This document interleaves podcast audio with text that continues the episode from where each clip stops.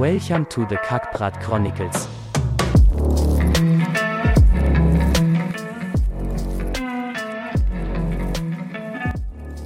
Arend, baie welkom hier by die Kakpraat Chronicles.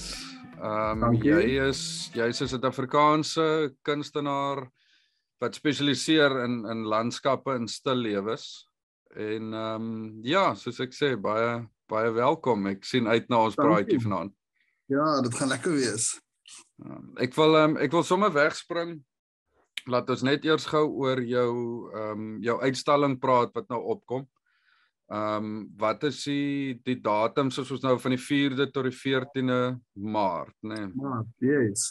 So die uitstalling open die 4de Maart, uh Keith Kirsten ehm um, baie mense sal onthou, hy het mos jou mate koffietafelboek gehad van hom verseker. So uh, hy open die uitstalling. Hy's 'n horticulturist en 'n goeie vriend van my geword oor die laaste paar jaar. En ehm um, ja, so ons so hy gaan die opening doen en ek gaan nou daar wees daai eerste naweek en dan kom ek weer na my huis toe. Ehm um, ja, so die uitstalling se titel is Arendsvlug en ek het ag ek het so 'n bietjie gesoek vir 'n lekker titel omdat ek nie 'n spesifieke groep werk gemaak het met een tema nie, het ek iets general gesoek en Arendsvlug het 'n baie mooi sien net 'n arend wat vlieg nie. Dit gaan oor skepingsvermoë en creativity en sulke goeie. So dit was 'n baie lekker naam. Ek dink ek gaan dit weer gebruik. So hierdie sal die eerste Arendsvlug wees. Okay, um, dit is Ehm, dis in Hermanus, né? Nee. Dit is in Hermanus by So Modern Galleries.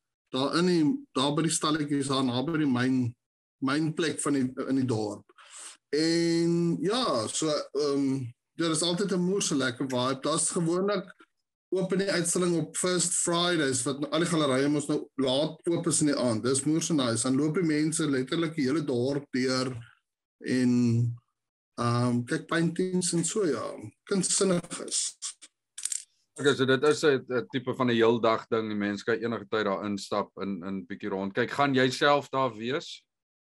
Ek is die eerste 2, 3 dae van die uitstalling daarso en dan kom ek weer terug ja. So ek is aan so die daai eerste naweek, ek van die Vrydag tot die Sondag toe ja.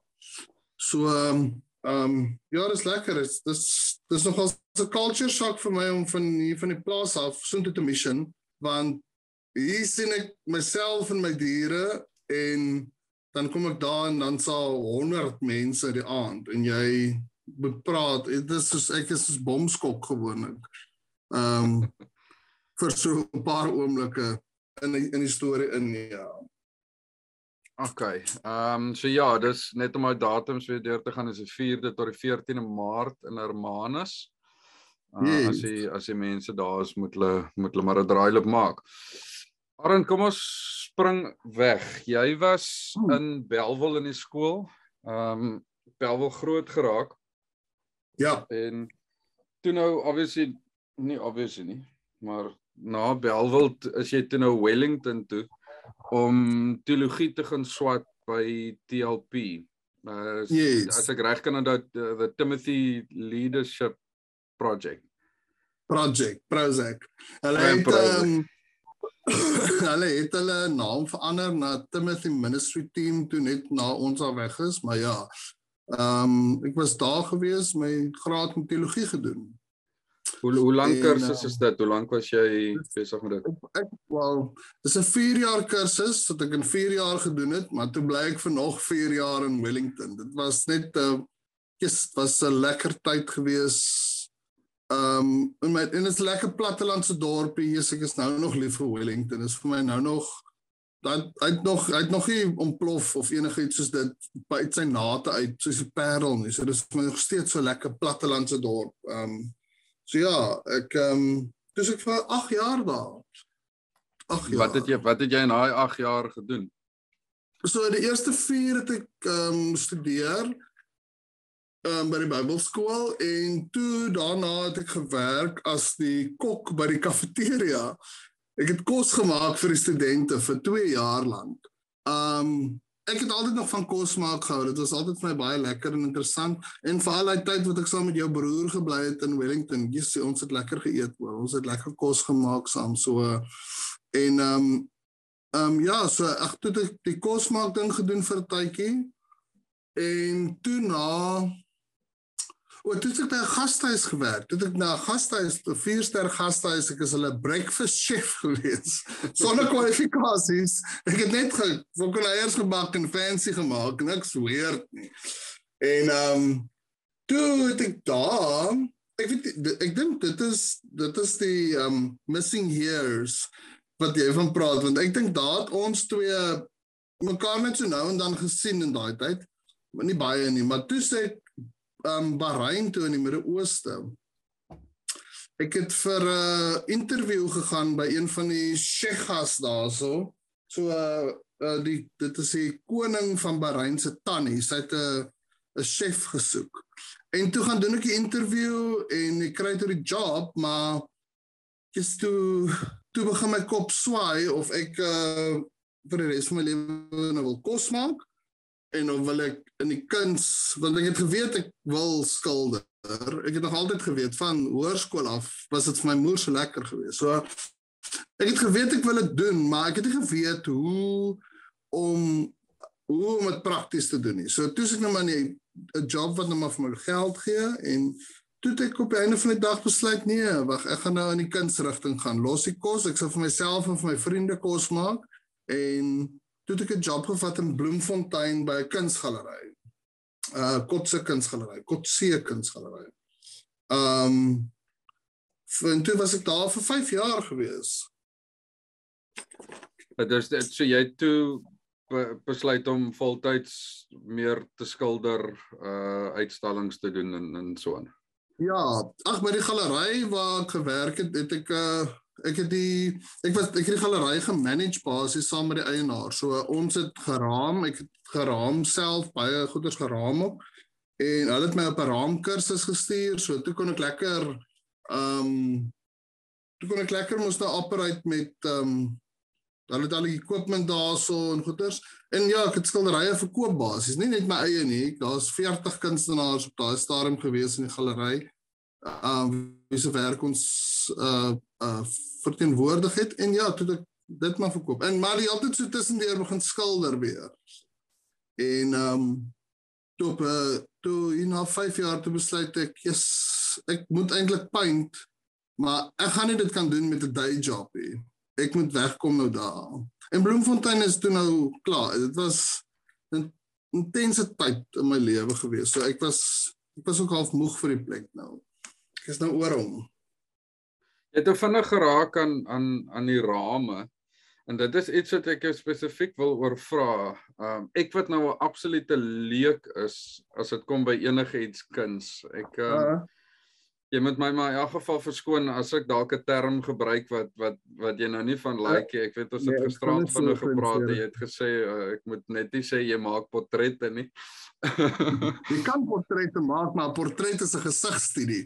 So jy kan 'n portret maak, maar meestal doen ek nie portrette nie. Ehm um, hoe hoe belangrik is 'n raam om 'n kunswerk wel te raam? Ehm um, dit speel ek neem aan seker 'n redelike groot rol. Ehm um, weet jy, ehm um, 'n raam natuurlik kan dit maak of breek. Die ding is baie keer as 'n raam jou aandag wegtrek van skildery af. Dit is die golden rule. As jy as jou fokus op die raam is en nie op die painting nie, dan het die raam gefaal. So as jy na iets kyk en die raam is so oordonderend en jy kan nie eers weet verstaan dit blink en gaan te keer. Baie van die ou kunstenaars het mos nog maar so in goud geraam en so maar vandag se tyd is dit moderner is dit min as moontlik. Dun houtrampie plat dun. En dit is baie tydloos eintlik want jy jy kan altyd add op daai as jy kan as jy mos nou 'n ramer as jy weet jy kan altyd op daai add en nog 'n raamboom dit sit. Maar ag ja ek nee raam, ek verkoop meeste van my werk of op canvas wat geboks is so mense kan dit net so hang maar meeste mense raam dit of op hardboard ek het 'n uh, koop 'n goeie bord en dan prime ek dit en dan werk ek daarop. So ehm um, dit was maar dit was maar altyd my ehm um, dis maar altyd vir my lekker gewees om mense kan hulle eie rametjies. Want party mense hou van sulke elaborate goeders. Ek hou nie van dit nie. okay. Ehm um, sê vir my toe nou toe jy nou by Bloem weg is, wat is waar loop jy op pad toe? So toe bel ek my pa eendag en ek sê vir my ehm um, ons familieplaas is hier in die Sandveld en ek uh, bel my pa eendag en ek sê vir hom uit Bloemfontein dat ek dink ek gaan bedank en dan gaan ek terugkom en skilder, nê? Nee? Maar toe dink ek nou nog nie eers aan plaas nie. Ek trek toe terug by Helwel toe. Sak en pak al die goeders hier af en trek toe weer daar by my maale in. Ek het so 'n buitekamer agter die huis, so ek het my eie um separate wêreld daarso. En ek begin toe skilder en toe ek na so 3 maande besef fok nee, ek gaan nie kan cope in daai stad nie. Want Eerstens, as ek nou weer onder my maal is 'n dak in en dit's alright, dit is lekker, maar ek meen dit is nie ek het nie ek kan nie my rotine hê nie. Ek kan nie my manier goeders doen en ek hou van dit. En meeste van my pelle wil in die aande uitgaan en dis my beste tyd om te werk. Ek's 'n naguil. Hierdie tyd van die aand is ek op my piek met paintings tot 2 uur in die oggend toe. So ehm um, toe besef ek nee, ek moet gaan, ek moet wegtrek daar. Ek gaan ek gaan ek gaan moet ander werk gaan kry as ek daar bly. So toe trek ek plaas toe in Oktober 2012. So dis nou 10 jaar wat ek hierso is. Ja. En ehm um, ja, al dit was moeilik aan die begin. Fok, ek's alleen hierso en ek's 'n social being baie maar ek is mos nou hier om te paint. So toe besluit ek nee, moet dit maak werk en nou Kies, nou is dit vir my moeilik om Kaap toe te ry. Is dit lekker hierso?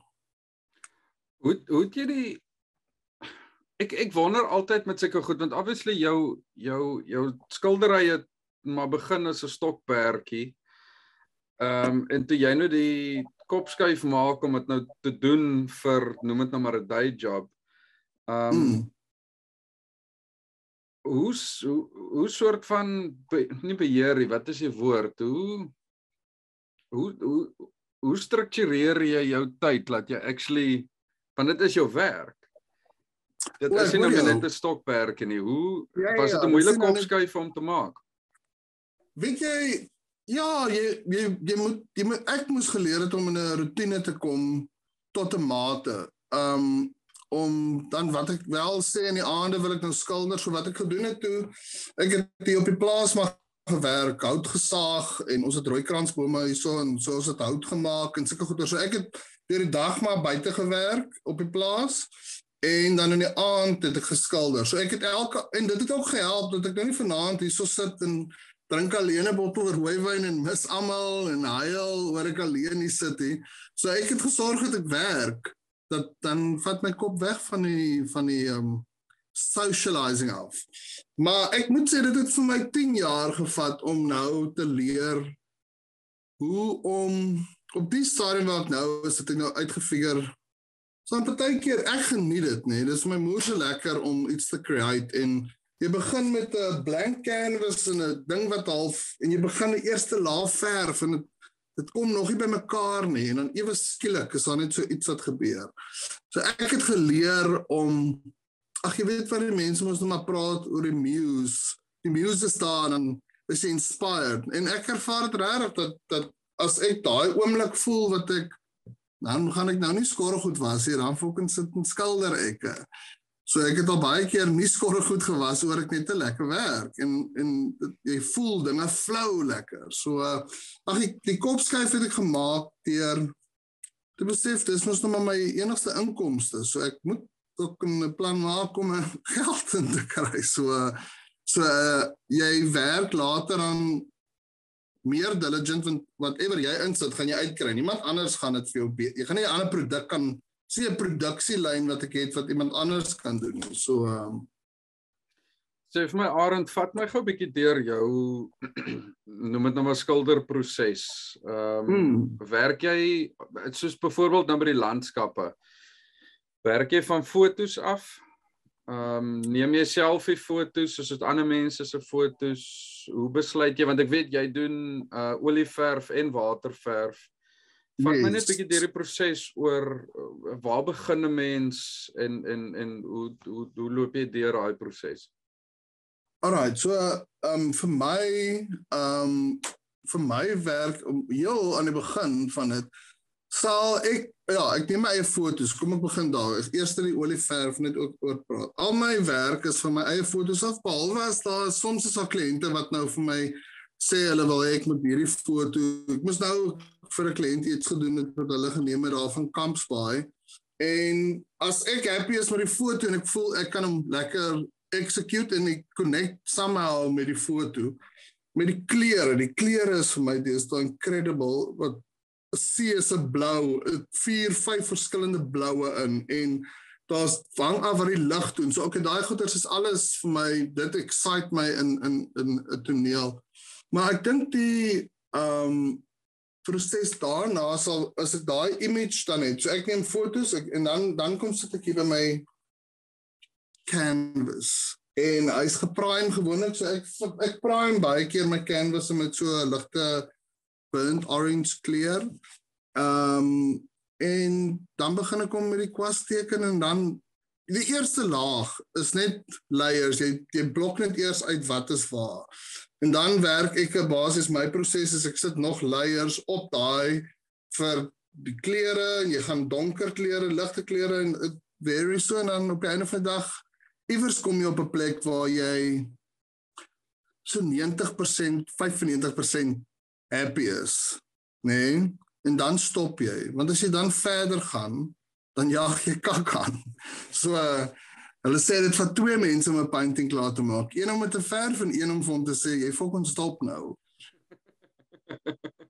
dat dat want anders dan gaan jy jy gaan jy jy donder 'n painting partykeer op as jy te lank werk. So ag ja, dit is maar is maar die proses om te leer.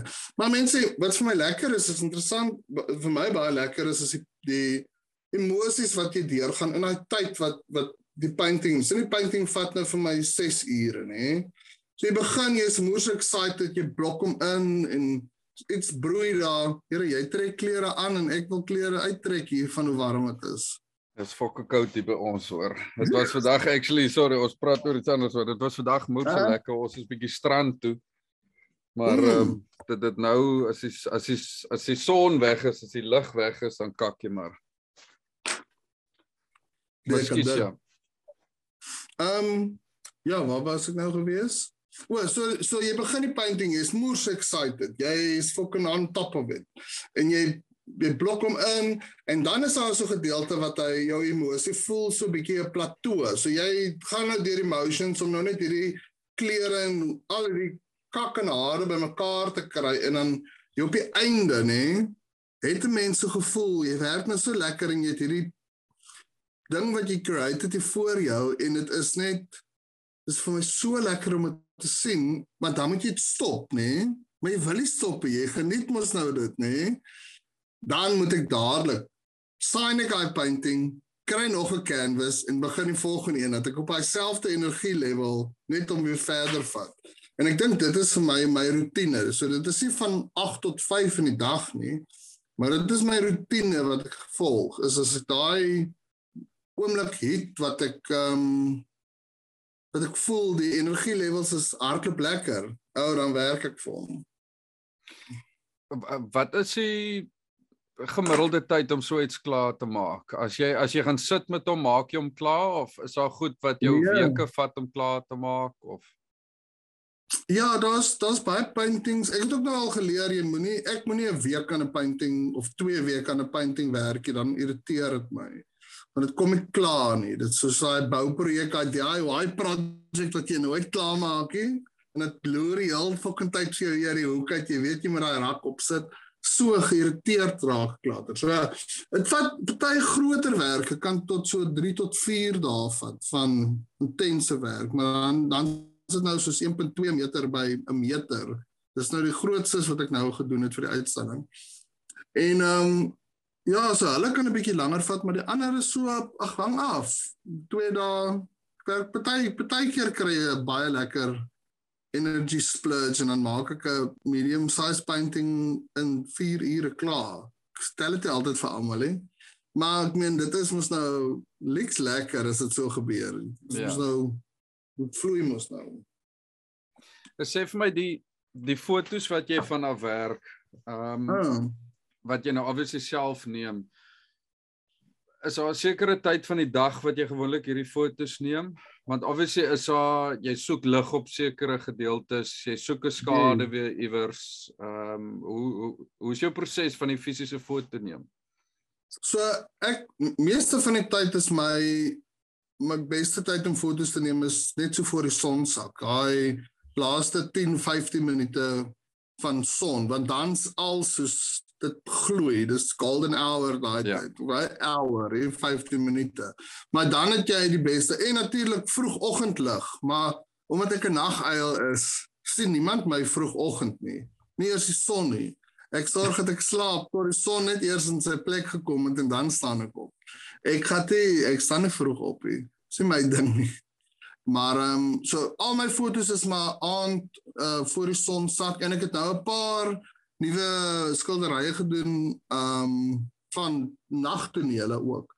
Ag daar daar's baie kunstenaars wat nagtonele doen in Suid-Afrika en niemand het die eie reg tot 'n nagtoneel nie, maar dit is en dit is vir my ongelooflik lekker want daai kleur van die nag het weer 'n totale ander mengproses wil ek amper sê nodig. Jy het 'n hele ander oog vir daai as wat die goue gloedkleure is. Want oral waar die son slaan, verander 'n groen blaar se randjie is goudgeel en 'n en 'n skaduwee is pers of blou en nie net swart nie. So dit is wat vir my lekker is van van daai daai middag. Ag en is jy middagson is ook nie lekker skaduwees nie. Daar's ook nie baie diepte in goedersie.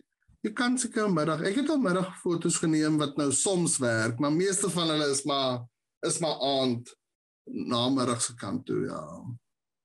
Okay, sê vir my is ehm um, as jy ek weet jy het jy al van iemand anders se fotos afgewerk? Ja ja, ek het al, ek het nou, so ek sê ek het nou so 2 weke terug 'n skildery vir 'n kliënt gedoen wat sy geneem het en wat ek toe nou geskilder het. Maar ag, dit ek is nie mal daaroor nie, maar as ek, 'n connection vind met daai image, as daar iets is wat vir my lekker 'n challenge, nuwe kleure of so is, ja, dan vat ek dit ou, dit's lekker. En nou is Maar- daar as jy nou Skus tog, as jy ehm um, as jy iemand anders se foto gebruik, uh, hoe werk die reëls rondom dit? Moet jy nou eers Nee, so permission so vra meeste- of Ja ja nee, dit is uh as jy as jy ehm um, kyk hierdie is nou die mense self se foto wat ek gebruik wie vir my vra om 'n painting te doen. So uh so dis ge- gewoonlik jy moet altyd maar consent moes maar hê van enigiets af, maar daar is al mense gewees wat stuur hulle vir my 'n foto wat hulle nou op die internet gekry het. Hulle hou daarvan, kan ek dit vir hulle paint en Uh nee, ek doen nie dit. nie. Ag dit dit is nie ekstra kleur reg nie, want jy vat nou daai ou se um sy emotional intelligence, dis nou wat hulle dit noem. So jy vat sy of sy creative wat nie emotional intelligence nie. Dis 'n ander woord. Nou probeer ek slim klink en nou is dit 'n fokol.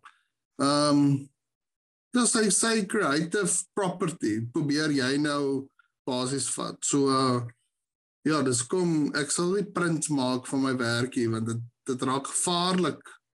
Dit raak gevaarlik as jy nou 'n komputer gebruik vir dit. Ja. Daar is we- plek vir dit, maar ja, dis 'n lang storie ja.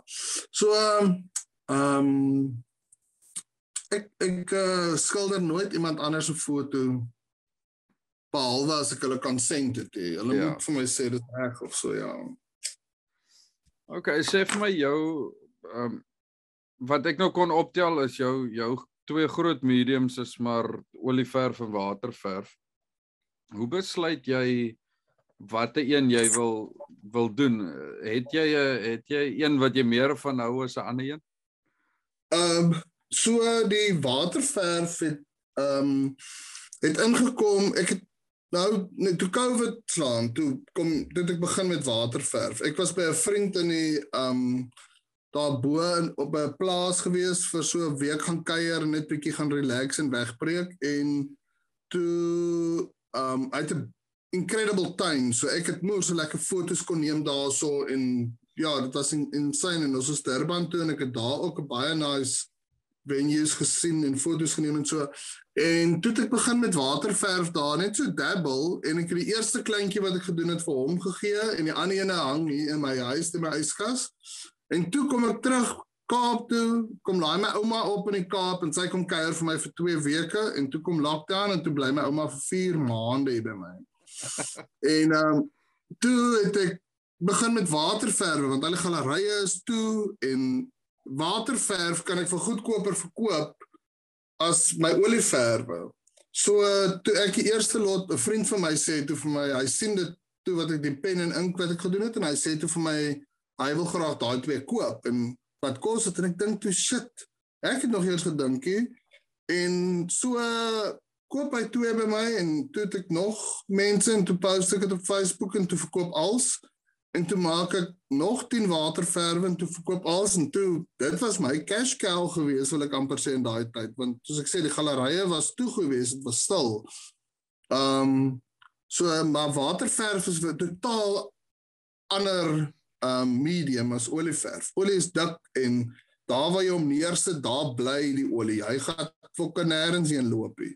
Maar waterverf werk met water. So hoe natter jou papier is, hoe meer vloei jou water, jou kleure en dit is baie organic. So dit is vir my is totaal opposite van wat ek doen in my olies, maar dit is incredible. So as ek nou 'n bietjie breek vat van die olie, dan doen ek waterverwe. Dan gooi ek 'n paar van hulle uit, ja. Maar ek kies maar my theme based op nog steeds landskappe meestal. Ja, ek het nou 'n bietjie gekyk na ehm um, na van jou goed wat jy op jou webwerf het gestraan. O ja. En ehm um, dat jy jy sien duidelik jou jou olieverf soos jy sê as jy hom neersit gaan hy nêrens sien. Dis baie ja, meer ja. soliede lyne. Ehm um, en en die waterverf is amper vir my meer 'n for lack of a better word, meer amper 'n emosionele tipe ding wat 'n mens ja, ja. of meer emosie want dit is, is baie meer fluid. Ehm um, baie ek dink dit dit dit dit laat dink 'n mens amper meer oor die ding want ek het nou gisterand spesifiek een waarvan ek nou hou is is uh, ek die, die naam daar was soutpan een van jou waterverwe en dit is vir my ongelooflik mooi want is jy sien daai mooi refleksies in die water die die rooi wat speel in die water en dan die blou bo in die lug en is Dis veral ja. in die in die in die in die pan wat daar lê is is mooi hoe dit jy sien amper die water daar. Is ongelooflik. En dit is lekker ek, ek love om water te skilder en wolke te skilder veral met met met dit want omdat jy so lekker soos ek sê organic flow het is partykeer val daar 'n druppel maar dit wil men werk man net. Verstaan jy? Daar's nie daar's nie um ek hou van daai proses. My ek is baie keer te puntenerig oor goeders en ek het probeer wegbreek baie keer van daai super realistiese werk af. Maar um met die fyn detail maar maar um waterverf breek moes so baie want toe ek vir 2 maande net waterverf gedoen en toe ek weer kom olie doen. Jessie, toe sukkel ek jong. Nou moet jy hard werk om die canvas toe te kry. Dit is nie net 'n brush stroke en dan is die helfte van die blad vol nie. Nou moet jy hard werk om daai goeders vol te kry, ja. Maar dit is lekker ou. Ag en ek het al so twee um werkswinkels aangebied ook. Um waterverf werkswinkels wat bitter lekker was. Um in Portugal gedoen. Portugal het 'n baie lekker fees elke jaar so. Ek seker altyd sin toe en ek het ja, dit was dit so lekker want dit is net so Almal is bang vir waterverf want hulle jy kan ons nie 'n fout regmaak nie. Ja. Nie verf optel nie. So ehm um, maar dit is baie lekker as jy eers jy mag nie presies wil wees, jy kan dit maar los dan. Ou sê gou vir my terwyl ons oor die oor die waterverf praat, daar's ehm um, daar's twee karakters in jou in jou waterverf stukke wat 'n uh, wit haas en grys wolf. O ja. Ja, ek het ek het wat dit vanaf kom, ek het een aand ek het 'n lekker groot stort, baie lekker en is baie water op die plaas. So ek stort lank, is my is my sacred, is my temple. Dis vir my this is where I heal my hurts. Dis dis daar staan ek. En toe ek so lekker daai ek, ek het so daar's so groot ehm um, stort glas ding en ek hierdie aand dan teken ek daarso in die wasem op die ruit en ek hierdie haas kom uit. En ek het dadelik afgedroog met klere aangetrek in die huis ingekom en daai prentjie geteken en toe kry ek nou hierdie wit haas en nou is dit ek het nou lanklaas um, goed gedoen van dit maar kies die mense love dit hoor is lekker en is vir my lekker ek love ek love daai kinderlikheid wat 'n mens ook dit's weer ook 'n nuwe creative gedeelte wat lekker is vir my so uh, en ja ek het nou karakters bygebring grys wolf en die rooi os Dis ek daar, wat's daar nog? Is nog 'n dier. Daar sal nog bykom beter tyd. OK. Het jy het jy gunsteling tussen die twee, tussen die olieverf en die waterverf? Wat is vir jou lekkerder? Ja, uh, ek, ek ek hou baie van van van van olie. Dis vir my ag is maar 'n medium wat ek uh, mee begin het en waarmee ek geleer het aanvanklik. Ehm um, destyds nou. So ek het die ehm um, Ag ja, ek as ek as die move daar is vir lekker waterverf, dan switch ek oor waterverf toe. So dan maar dan doen ek vir 'n maand lank net waterverwe. So ek ek kan nie so alternatief tussen die twee nie. Dis is twee verskillende breins in jou kop wat jy nog 'n brein en dan moet jy daai brein uithaal en raak hektiek later. Want jy werk, jy werk in reverse met waterverf. Jy begin gewoonlik met olies begin jy jou donker kleure eerste waar met waterverf meeste van die kere moet jy die wit stukke moet oopgelos word. Hulle moenie verf, jy kan nie wit verf. Jy kan nie wit verf, maar jy moenie wit verf noodwendig gebruik nie. Die papier is mos nou wit. So jy die dek basis. Maar is lekker, is 'n baie lekker um medium. Het jy al ooit geteken of goeters of het jy op 'n stokmannetjie gestop? Ag nee, ek is nie kreatief in so 'n vorm nie. Um ek het ag skribbel maar as 'n mens verveeld is jy moet luister na soos toe ek nou nog op college was of op skool of wat ook al jy luister nou ja ja, ja. na iemand wat jou ongelooflik verveel dan sit 'n krappie maar in kringetjies so jy teken 'n sterretjie ja. en 'n mannetjie ja, ja. en 'n fucking karretjie maar Maar my beste sketse is in al my handboeke hou. Ek sê jou daai tyd, ek het geleer later ek luister beter as ek teken, want dan associate ek dit wat hulle vir my sê met daai prentjie.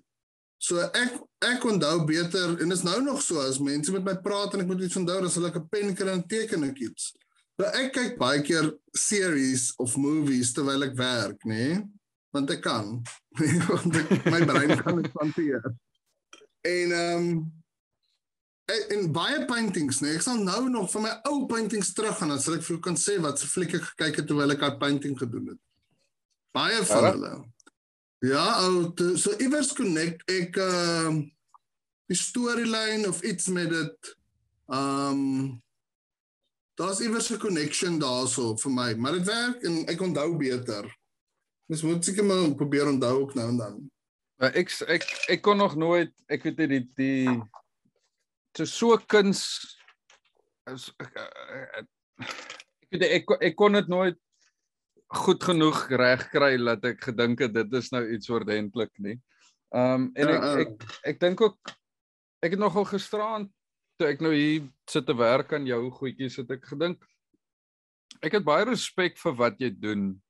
Want ek dink jy 'n mens kan dit in 'n mate aanleer, maar as jy nie goed is, is jy nie goed nie. Jy kan nie 'n mens kan 'n instrument leer leer speel en 'n mens kan baie ander goed leer doen, maar dit voel vir my kuns kan jy net doen as jy kunstig is.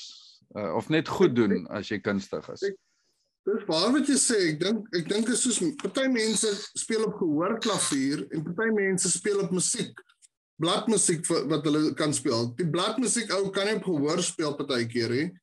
En die gehoor ou kan nie op die ander kant. So ek het net opleiding in die kuns en sulke tipe goeie. So ek het myself geleer en Jesus ek het hier boekrakke vol kunsboeke wat ek geleer het van mense se kuns van Gogh se goed en David Hockney en al daai name dan blaai ek hulle boeke deur, lees hulle stories en ek en ek um ek ek vat wat ek kry uit dit uit, verstaan? So uh, maar ek is nie um in die academics en altyd daar met die goeie sien, maar so ek is die ou wat op gehoor geleer speel het.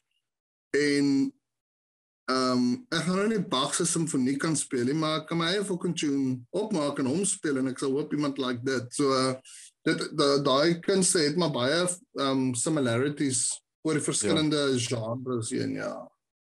Ag ek dink ook is dis as jy daai gevoel het, het jy dit.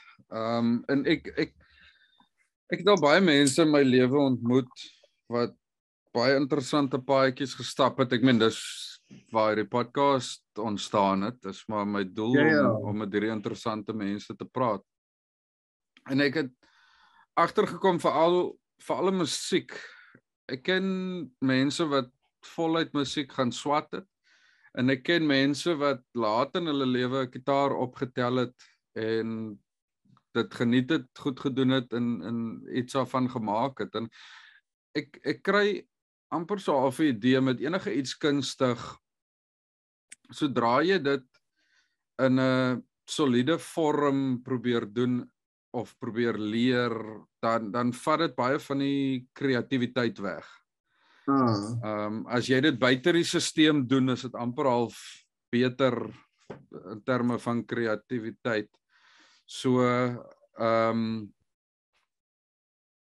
Ja, kyk, hulle gee vir jou hulle gee vir jou die die massa reëls in baie van die akademiese goeters gee hulle vir jou al die reëls van als en jy kry daai goed in oor 'n tydperk van 4 tot 5 jaar en dan iewers daarna moet jy kies maar ek dink vir my ek het as ek mos nou figure geskilder het dan sal ek uh, gesorg het dat ek die anatomie beter ken.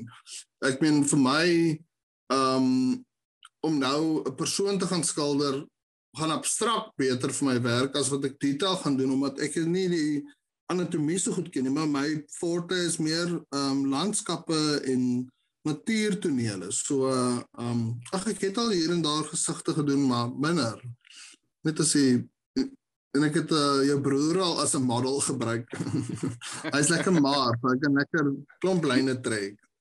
Ja, ek weet hy het op 'n kol uh kwai ge noem mense dit nou geposeer vir ehm um, vir mense om om te teken en te verf en te ken. Ja, ek het daai ek het dis dis mense wat ek geken wat um iemand gesoek het en hy het toe vir my gepose hierso en um en toe sê ek maar toe sê vir my maar hy sal dit doen toe vind ek uit by die vriende te sê hulle ja flip en so hy ry nou en dan weer gaan pose hy lekker ja.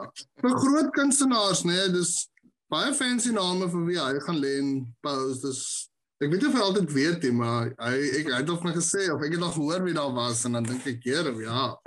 Top Suid-Afrikaanse fucking name." Ja, dit is 'n uh, soos ek vroeër gesê het, hierdie die vanaand is vir my baie interessant want ek ek weet niks van die kunste aan hierdie kant nie. Ehm um, hmm. ek is ja, ek ek is 'n Karoo klong wat eers regtig weet om wyn te drink. Ek het nie genoeg kultuur om my om so iets te geniet te, te waardeer nie.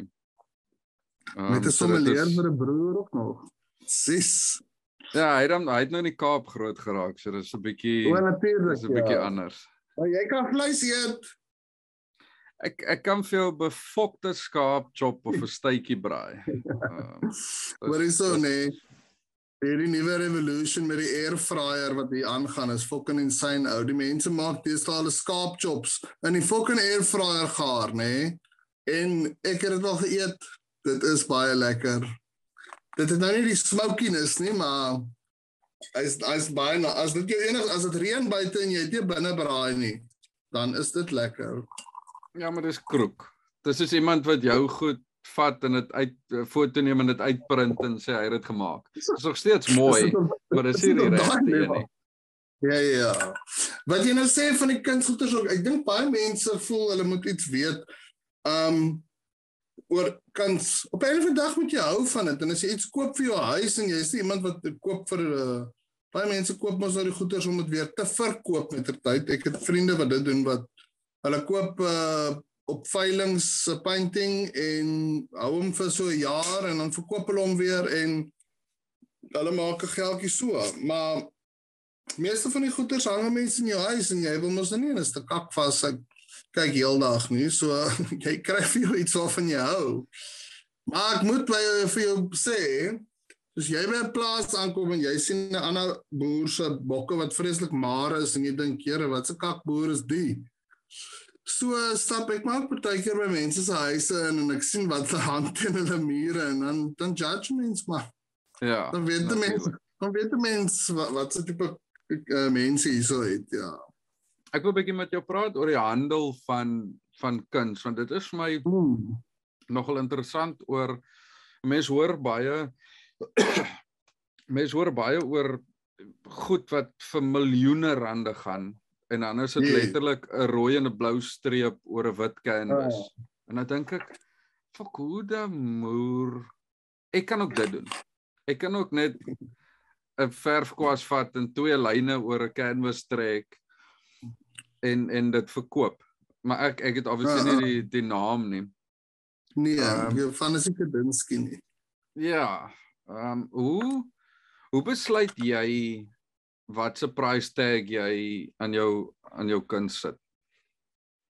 Ehm um, daar is daai tyd wat ek gewerk het in 'n galery in ehm um, Bloemfontein net om jou backstory te vertel. Ek het elke week het ek iemand gekry wat vir my of e-mail met hulle fotos of hulle kom aan by die galery en wil weet wat kan hulle vra vir hulle skilderye. En ah, ek het ek het vat die roete, ek dink daar's twee roetes wat mense vat, nê, nee, om dit nou vir jou baie broadly te verduidelik. Ehm um, dis ek dink die eerste lot mense en dis wat ek gedoen het. Ek het met ehm um, meeste mense doen per size, so jy vat 'n 30 by 40 cm skildery is byvoorbeeld R2000. Uh ene wat kleiner is is hy nou 30 by 20 is nou R1000 en dan gaan jy kry so 'n formule wat jy nou maar basies uitwerk. So wat ek gedoen het is ek het my pryse daar begin en elke jaar sit ek dit op met 10% en partykeer met 15% en so oor die 10 jaar het dit nou al lekker accumulate. Verstaan, dit het nou al verdubbel meer as verdubbel in waarde tegnies. Um so uh, ek het daai roete gevat, maar wat jy kry is mense wat ander ding doen is uh, um hulle skilder en daar's belangstelling in hulle produk en dan ewe skielik ek weet daar's een kunstenaar wat elke 6 maande, nê, nee, sit hy sy skilderye met 50% op. En hy het dit probeer volg. Ek weet nie of dit nog steeds reg kry nie, maar ek meen hy sit sy pryse net op en nou kry jy die kombinasie wat mense dink hulle koop 'n investment. Maar daai bubbles bars gewoonlik. Ek het nou al baie in alle jare met die kunsgoeders het ek al dopgehou. Nie net al die kuns wat ek sien nie, maar kyk jy daai presies wat jy sê, die handel van dit. En mense ja kak aan met die goeders. Hulle overprice die goeders en dan ek is baie bang ek wil nie my pryse buitensporig maak net vir shits and giggles nie. Maar ek meen ek het nou al 10 jaar se ervaring plus wat ek insit in elke painting, verstaan? Dis nie net omdat ek nou skilder is, is al die jare se experience wat mos nou maak dat dit opbou. So um, Maar ja, so ek het my pryse maar baie rustig mee begin 10, 10 jaar. Ehm um, en ja, die goeders het nou al verdubbel van wat hulle toe was. So uh, dis ook lekker vir mense om te hoor die painting wat hy nou gekoop het vir R5000 is nou R10000 werd, maar mense mense koop ag ek hou nie van mense kan dit doen maar ek, meeste van die tyd gaan daai mense nie daai painting verkoop nie. Hy bly daar in hulle huis. So uh, Ja. Wat help dit nou? Nou gaan jy by die braai vanaand oor die brandewyn en kook vir jou pelle vertel. Dis nou R10000.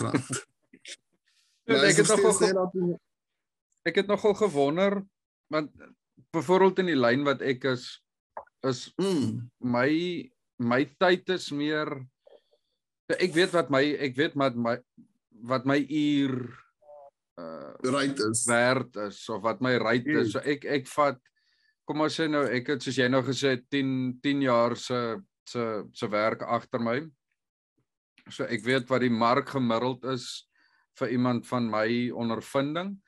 En dan Ja, ja. afhangende van wat se leverage ek het, kan ek sê okay, ek soek uh, markverwante salaris plus 10% of wat ek al. Uh, want ek voel Yes, dis wat ek werd is. En Hmm. dis irrelevant van wat ek reg kry in daai uur want partykeer kry ek baie reg in 'n uur en partykeer kry ek Ja, baie min reg in 'n uur, maar dit is irrelevant van wat ek regtig doen. Dit gaan mos nou maar oor die groter prentjie. By jou nee, nee. voel dit vir my of is is dis half moeiliker want soos jy sê, partykeer werk jy 4 ure aan aan 'n stuk, en partykeer werk jy 3 dae aan 'n stuk. Ja. So ek het ek het nogal gewonder oor hoe jy dit kwantifiseer en dit en dit neersit op 'n prys. Ehm um, ja, so soos ek sê, meeste van my um, skilderye word per size. So of ek nou 2 dae werk aan daai painting en of ek nou 4 dae werk aan hom, sy prys is dieselfde, maar wat ek baie keer doen is as daar meer detail of meer werk in is, dan dan maak ek dieselfde size 'n bietjie duurder. Verstaan? Daar is mos nou 'n bietjie meer effort in.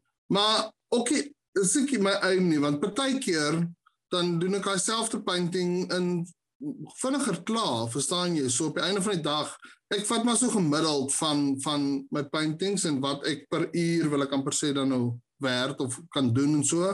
Maar jy kan nie net een op 'n slag vat nie. Maar ek ag ja, ek dink jy vir my is dit nie wat baie keer gebeur is as 'n painting weer en soos ek jou sê, as 'n painting te lank vat en dit begin my irriteer, dan kan ek maar weet ek gaan vir hom toeverf. Hy gaan nie die daglig verder sien nie. En baie van my paintings, nie baie nie, maar so een uit elke 20 paintings. Um is is daar nog twee paintings onder daai painting wat ek net gevoel het didn't make the cut. So uh, ek, kon hom net nie op die einde van die dag regkry soos wat ek gedink het hy gaan uitkom nie. So um so daar ek het eendag 'n painting gedoen van 'n die kerk en rivier sonder end. Het nie 'n toring nie. Hulle het 'n toring wat so lyk. So dit lyk soos 'n penis, nê? Nee? Maar aan die lig staan. En ek skilder die kerk en dit maar dit is so misty weather en daai tyd was die misty weather daar was my gryse was nie lekker geweest of iets in die painting werkie maar ek besluit ek verf iets ander oor hom en ek paint hom toe en ek verf 'n ander painting boor hom maar toe alles nou klaar is dan sien jy nog steeds die lyn van hierdie penis kerk se toring op die nuwe painting hy reflek so in die in die ander lig Dit los ek dit net maar so toe ek moes eintlik al painting genoem het klawer in die peniskerk om iets om iets by te kry ja. Uh, so so ehm um, jy jy het net nou gesê as jy nou voel jy's klaar en sit jy jou jou handtekening in die onderkant. Ehm Ja. Is dit soort van 'n dan is jy finaal klaar of of is daar maar so nou en dan wat as jy jou handtekening neergesit het laat jy teruggaan en sê nee fok dit Ja. ek verf hierdie ding nou weer met my oranje kleur oor en ek begin van voor af. Nee, wat wat baie keer gebeur omdat ek so wees mos nog maar by jou esel en jy raak baie involved met 'n klein spasie voor jou oog vir baie lank. Dan verloor jy baie keer 'n bietjie perspektief of iets is nie reg nie, nê? Maar dan ek meen jy triks, daar's triks wat ons het wat jy nou jy draai om en nou 'n speel en kyk die ding in reverse of jy staan net op en gaan ook 'n van 'n pers en kom terug en dan kyk jy die ding net van 'n ander angle af. Maar baie keer as ek hom klaar gesign het en hy sit hom nou daar in die stoor gedeelte waar hy nou moet droog word, dan ehm um, dan vang iets my oog en as dit my aanhou pla dan ruk ek daai ding terug en dan touch ek nou op wat nodig is. En baie keer is dit daar waar my handtekening op is. So dan moet ek alles weer fokke oorverf daaronder. So uh, ag jy gebeur maar min, dis nou minder wat dit gebeur. As ek sien ek jag kak aan halfpad dan stop ek. Ek is nie nou meer wat ek vir hom druk tot in die rooi om te kyk of ek iets gaan kan maak werkie. Daar's baie om nog te skilder. Ja, gesê ek ek, ek dink is dis 'n kunsvorm wat baie gevoel in het. Ehm um, Hmm, en natuurlik as jy as jy dit voel nie, dan voel jy dit nie. Dan seker, dit is die ding. So vir my ek ek ek vat nie oproepe wat my gaan ontstel laat in die aand nie want dit is my piektyd vir werk. En as jy my gaan ontstel, gaan ek nie kan werk nie. So ek ek vir my enige iets is dit. Ek uh, my vibe moet reg wees. Ek uh, ek, ek kan nie ehm um, kan gesteer word in daai oomblik nie. Dis hoekom baie keer dan dink ek as jy nou mense is wat hier kuier dat hulle um dan dink ek ek gaan kan werk terwyl hulle hier so is, maar nee, werkie. Arend sê gou vir my, jy's nou op hierdie plaas in die Weskus daar in die Sandveld. Um Mhm. Mm hoe lyk jou dag? Wat uh, buitenkens wie is jy as Uh, uh. jy as jy by die huis is? Um ek uh, so ek is so whenever ek opstaan in die oggend dis irrelevant. Ek stel nie 'n wekker nie. Ek stel net 'n wekker as ek iewers moet wees, maar ek stel nooit 'n wekker vir myself om wakker te word nie want ek hou van my slaap en ek hou van droom. So ek slaap soveel as wat ek kan. Soos 'n kat. Maar ek um, ja, dan sal ek dan sal ek net maar deur die um deur die dag hier op die plaas, so ek sê ons maak hout baie keer. So ons nog 'n houtsaag um met darme petrolsaag. Ek gaan nie met my volk aan arm saag nie. En um dan sal ons ag of ons ons beeste op die plaas. So ons um um dis dan vleisbeeste so ek melk daarom nie maar ek meen ag hulle moet net so nou dan opgecheck word en ja so dis dis rustiger plaaswerk ag en maintenance ek is besig om vir my badkamer aan te bou so ek doen sulke kakjoppies so dit is in daar Wat se wat se beeste het julle daar? uh Herefords En nou is dit maar sal dit net kommersiële kudde stuur so nou en dan Ja. iets mark toe en dis dit. ja ja dis nie intense stoet sulke boerdery nie dit is net uh so in die plaas in die gang te hou ja OK, en dan nou vir die wat nie weet nie. Um jy het nou vervul dit by jou ja wat uh op hierdie stadium sy eie Instagram account het. Um vertel vir my 'n bietjie dit se agtergrond. Uh so uh, hy uh ek gaan net so kort stukkie van die groot background vertel, maar my ma is oorlede so 5 jaar terug en toe was ek in die Kaap op daai stadium en ek het 'n bietjie maar gesukkel om terug te kom plaas toe en goeders en toe is ons een naweekie op die plaas en die koei lê agter en sy kan nie opstaan nie. En so um, probeer ek toe nou die kalf uittrek, maar ek wil toe nie die dis nou baie detail, maar ek wil toe nie die plasenta breek nie want ek dink toe as ek 'n fout maak, ek het nou nog nooit dit gedoen nie, dan dood hy hierso. En toe het ek hom so halfpad uitgetrek, maar die dondertjie ruk hy altyd terug sy bene so en ek jy kry nie lekker gevat om die plasenta nie. Dis 'n glibberige fucking storie. Ja. In elk geval en ons gaan toe terug Kaap toe en ons reël toe met die bure om te kom help hierso met die net die kalf uit te haal. En toe bel Dilly wat hier op die plaas um saam met my bly wat hy werk. Hy um bel my toe en sê hulle die kalf uit en ek hoor hom skree oor die foon en ek sê vir my pa maar okay maar ek gaan nou terug en ek gaan nou vir hom maar melk moet gee. Ek meen hy kan nou nie so lewe nie. En hulle het 'n bietjie van die bees vir hom kom uitmelk en toe kom ek deur met 'n sak melk vir 'n kalf en bottel begin gee en so ehm um, op 'n stadium, ek dink hy was so ja, net, so voorkom nou maar moes gespeen het en so. Nou gaan stap ek in die middag met hom. So dit was nou my ding geweest. Ek gaan loop met hom en ehm um, ek het nog by daai stadium so klein poedel hondjie gehad. Sy het saam gestap. Ek gaan loop ons nou hier agter toe en toe wil ek hom nou tussen die beeste inkry. Dat hy mos nou kan daar by hulle wees mos nou. En hy het soos 'n skaam kind sy koppie altyd hier agter my bene ingedruk. Shame.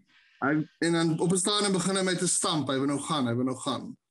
En dan loop ons en ek sukkel en ek bel my een my ouma se suster is um, the cow whisperer. Sy um sy het haar lewe lank hansdiere grootgemaak en terug in 'n trop gesit en So dit was haar thing in die Sandveld. Sy was bekend. Almal het geweet Lena kry die hansdiere. En ek bel vir haar. Sy's in 'n ouer huis op daai stadium en ek bel haar, ek sê vir ek gaan kuier vir haar aan Rebek Wes en ek sê vir haar van Philip en ek sê vir haar ek sukkel om by die trop te kry en sy sê vir my maar hy gaan nie na 'n ander trop toe gaan nie want jy is sy trop. En toe besef ek die bees gaan by my bly. Hy gaan fucking nêrens heen nie. So uh, ja, toe maak ek vrede daarmee en ek kamp my huis af met draad en ek maak alles toe en hy het access punte na sekere kante van my huis toe so ek kan by my kombuis kom en ek kan nie by die voordeur kom. En nou sê hy uh, 450 kg os wat hier ronddobber. So hy's ongelooflike goeie waghond. Hy ehm um, loop nie meer mense regtig hier deur nie. Die, ons het so deurgang hier so die mense loop nie meer. Hulle is baie bang vir hom. Almal weet van die bees wat hier so is. En hy sal jou druk in die hakkies dra. Nee, hy is hy is en hy's kaksterk. En sy kop. Dis dis is net ek en Dilly wat nou hier werk wat nou maar vrylik wil ek amper sê rondom hom loop en dan 'n vriend Rudolf van my wat ehm um, ook maar uit my half groot geword wil ek amper sê saam met hom. So uh, hy Rudolf kom baie keer hier kuier dan sal hy vervul dit gaan vat dan gaan stap hulle agter of Rudolf kom groet in elk geval eers vervul dit as hy op die plaas gaan kom voor hy vir my groet. So uh, so uh, hulle twee het ook 'n lekker band. Ehm um, Maar ja, so so nee, nou het ek 'n beeshou, maar incredible dier. Ehm um, ek het nou nog nie vegetarian geraak nie. Almal vra dit altyd vir my. En sy naam is Philip. Want ek kon nie vinniger aan iets anders dink nie.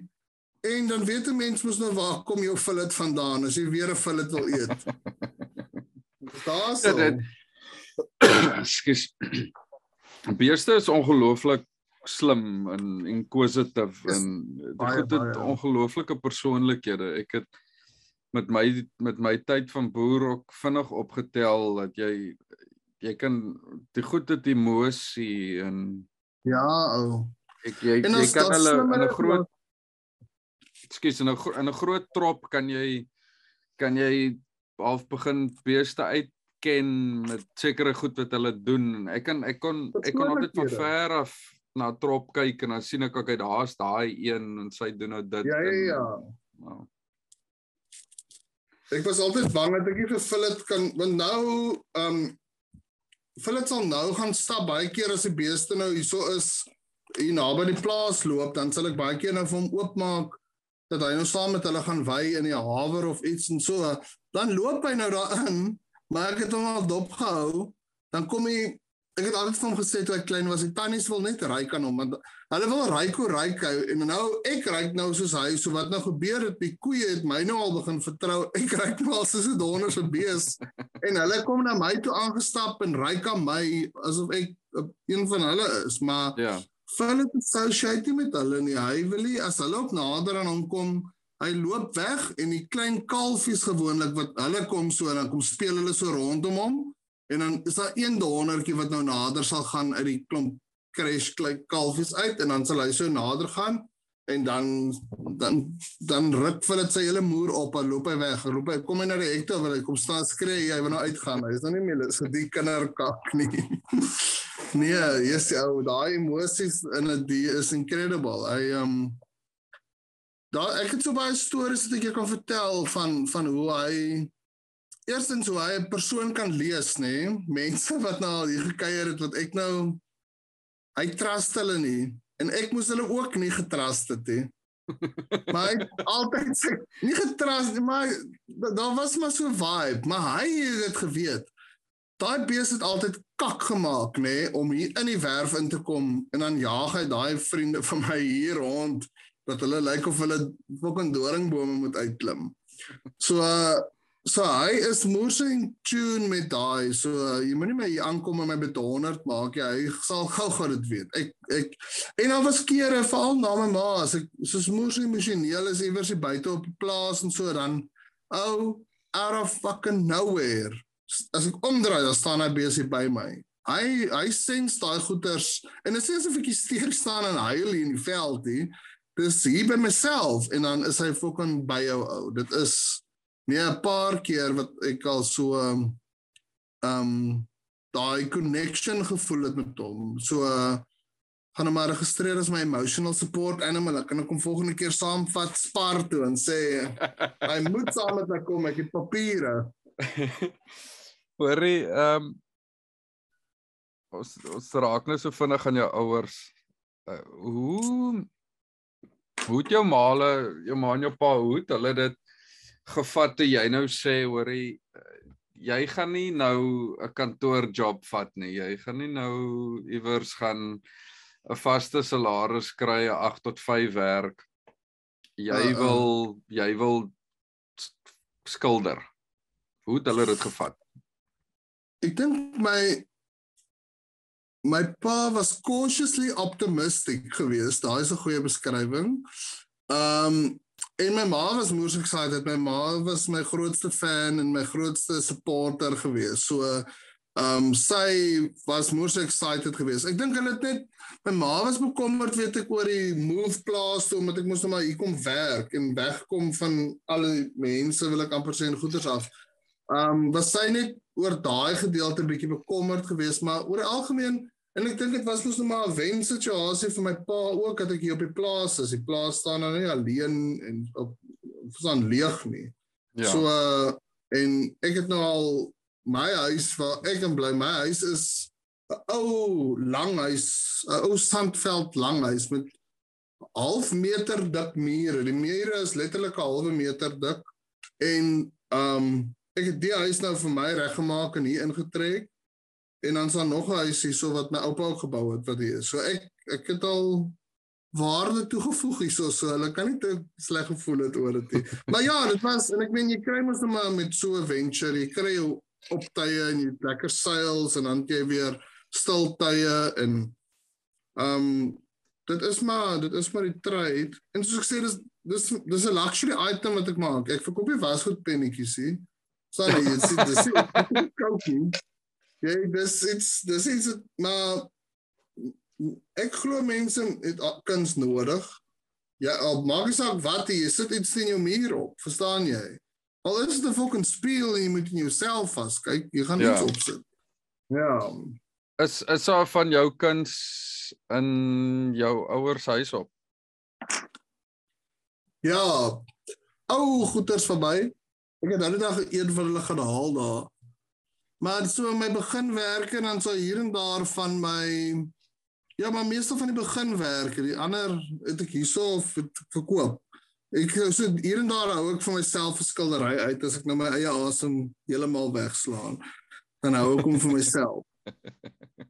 Um wat baie keer paint ek iets wat net vir my lekker is en ek wil dit hou, so ek uh, Maar hulle het van my kind so 'n bietjie ja. Maar ek het maar groot geword met prints in die huis soos meeste van ons. Ons het nie groot kuns in die huis gehad nie. Ou hoe het jy hoe het jy agtergekom jy kan skilder? Wat waar waar kom dit vandaan? Het jy eendag net maar uh, fok op pen en papier opgetel en agtergekom shit dit lyk na iets of hoe wat was jou wat was jou liggie oomblik van shit, okay, hierdie geniet ek, dit wil ek doen. Ehm um, ek dink om eerlik vir jou te sê, ek dink my ma het gesien daar's iets en sy het dit nogals genurture my hele lewe lank. So van ek onthou my eerste memory van kunsgoeters nê, nee, ek was nog op laerskool gewees, dan kry mos nou 'n 'n A 'n B of 'n C vir kuns, nê? Nee? Nou nie so vandag se kinders kry nommer 1 tot 7. Ons het ge A B C en jy wil 'n A+ hê. En ek ek onthou ek het vir kuns 'n C gekry, maar my my kuns is nice. Dit was nie kak gewees nie. En my ma het die kunsjuffrou geken en sy gaan toe na haar toe en sê vir haar, "Hoekom kry ek 'n C en my my werk is mooi?" Toe sê die juffrou vir my ek praat te veel in die klas. en toe sê my ma vir my ek moet minder praat in die klas maar dit is my beste tyd gewees. Ons het nog van daai tafels gehad dat as jy net die hakkie inklip onder die dan onder die hele tafel vorentoe. Um dis 'n flip tafels. En ons het ehm um, so dit was vir my die lekkerste klasse gewees daai. Ek het dit so geniet. En toe die volgende kwartaal toe kry ek 'n B want ek het minder gepraat vir my kuns. Maar toe ek ag ja, en elke keer as daar iets kuns was, ek het nou nie kuns geneem op skool nie. Ek het nou maar akademies gedink daai tyd stupidly. Maar ehm um, ek was by so 'n kunstskool daar in Parow gewees wat baie baie nice was. En uh ons het ek het so 'n all-rounder kunstklas gedoen. Ons het silk screens gedoen, pottery gedoen, alles so jy is exposed vir 'n amper sê 'n klomp. Ons het nooit olieverf gedoen nie of waterverf nie.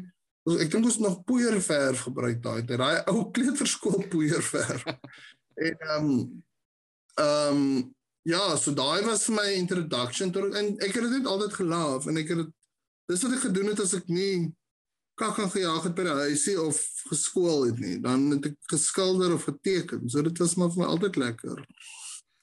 Hoe het jy toe nou besluit om teologie te swat? Ehm um, wat was jou hmm. wat was jou skuif soontoe? Ehm um, okay, so my toe ek staan net 8 was was 'n groot ehm um, kerk revival ding. Dit Ag ja, dit ag ja. So groot in in Belwel gewees. So daar was 'n daar was 'n kerk gewees wat so in 'n skoolsaal begin het. Een van die dit was nou van die begin van daai charismatic kerke. Ons is maar 'n NG Kerk wêreld gewees daar. En ewe skielik kom hierdie vibrant band in die kerk dynamic preacher, bleskop, bokkiebaar, youth leader ou en yes, die fucking besigheid vat vlam en dit trek in die skool in en toe is ek baie betrokke by die kerk gewees, die NG Kerk op daai stadium. Ek ek onthou ek het nog skelm gegaan na die ander kerke party Sondae aande. Hulle ek het hulle gehad het hulle moet weet nie. En en ehm um, toe was ek baie betrokke by die NG Kerk en ek het toe die jeugvoorsitter geraak of jeugleier van die kerk, jeugvoors jeugkommissie voorsitter, iets soos dit. Maar ek is toe nou op die kerkrade en ek is as ek by die huis kom van skool af aan, stap ek kerk toe. Ek was 'n fucking soos 'n monk gewees eintlik. En ehm um, toe ek teologie gaan swat, dit was toe nou met my roeping het ek gevoel op daai stadium. Ek was nou in dit ingewees en dit was Ehm um, ja, ek was baie betrokke by daai goeders op skool, CSV en ag al daai kak gehad. En ehm um, toe gaan swat ek teologie. Ehm um, want dit was maar dit was of teologie of zoologie geweest. Ek het, ek was baie lus om dierekunde te gaan swat. Okay. Maar hulle het vir my gesê ek gaan 'n wildbewaarder word en ek wil dit geword. Ek dink ek lyk goed in kakie. So Dis my klere daai nie. Laat nie my oë pop nie.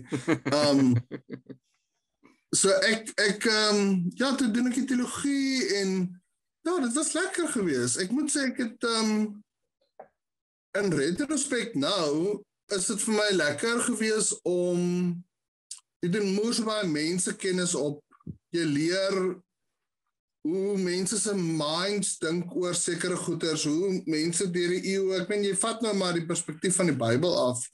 Um wat hulle nou vir jou sê, maar jy leer oor mense op die einde van die dag. En ek dink dit is die een ding wat ek weggevat het van daai tyd af. So op die stadium is ek glad nie gelowig in daai sin nie. Ek is ek is meer na die ag agnostic kant toe as ek sal nie sê ateïs nie, ateïs is so ekstreem en ehm um, maar ek glo nie meer noodwendig in wat ek swat het nie. Ehm um, en uh, dit is vir my uh, ek dink dit het van ek het ek het maar net deur die lewe gegaan en goeders gesien wat vir my anders in sin begin maak het en nie vir my begin werk het nie. En ek onthou ek onthou dis sy tyd in Wellington moes hom gewees. So ehm um, ja. yes, ek onthou bang ek was om my mind weg te shift om nie meer te glo nie want wat van die hel en wat van nou gaan alles verkeerd loop in my lewe en nou gaan ja. alles ja. gaan nou op op wees as ek nou op op bid en op al daai goeders doen dan gaan alles en toe besluit ek maar ek gaan 'n steekproef doen ek gaan vir 'n week nie bid of glo nie. Ek gaan fucking hard nie glo nie. En toe gebeur niks nie. My lewe gaan aan. En toe doen ek dit vir 'n maand en toe doen ek dit vir nog 'n maand en ek lewe en niemand het my al doodgemaak nie. Ek is nog hier. En toe begin ek besef maar ek moet nou 'n ander manier kry om te glo oor iets. Verstaan? Ek kan nie nou meer want ek besef nou daai ding het nou nie vir my ek het net ek het die wolf uit dit uit en ek het besef hy rand fit in there. So ehm um, ehm um, ja, so toe ek toe ek bietjie wegbeweeg van die teologie af.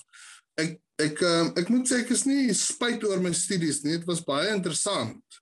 Maar en ek, ek het baie goeders geleer wat van daar vir my weer baie ander spaces in my kop oopgemaak het, maar I don't adhere to their rules anymore.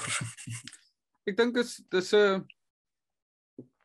ek het nou die aand met 'n pel vir my gepraat oor oor godsdiens en ek het ek en Neil het met my eerste episode so vinnig geraak aan Ehm. Um, maar ek voel daar was 'n daar was 'n generasie skuwing in terme van geloof waar ek kan dit nie ag ek kan nie sê hierdie spesifieke jaar het dit begin verander nie maar daar was definitiewe skuwing van mense het baie meer begin goed uh, bevraagteken uh, en en dit nie net gevat as 'n reël nie.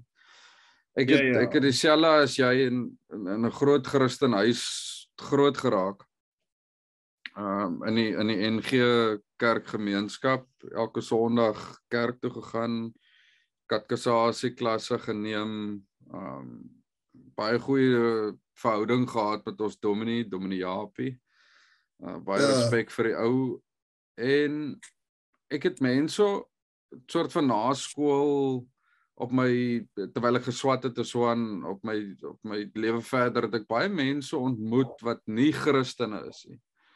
Uh uh en ek het altyd in my agterkop gewonder maar shit dis dis sulke nice mense. Ehm um, ek kan nie ek het altyd ge ek sal nie sê gesukkel met die idee nie maar dit was vir my altyd interessant dat hierdie ou is 'n Christen nie, maar hy lewe nog steeds baie goeie lewe. Ehm um, ja, ja. hy hy maak nie mense elke tweede naweek dood nie. Hy hy versyp die kykies fucking in die rivier in sy vrye tyd nie. Ja ja ja. Um, en en eh, kontak gemaak met baie mense van ander gelowe.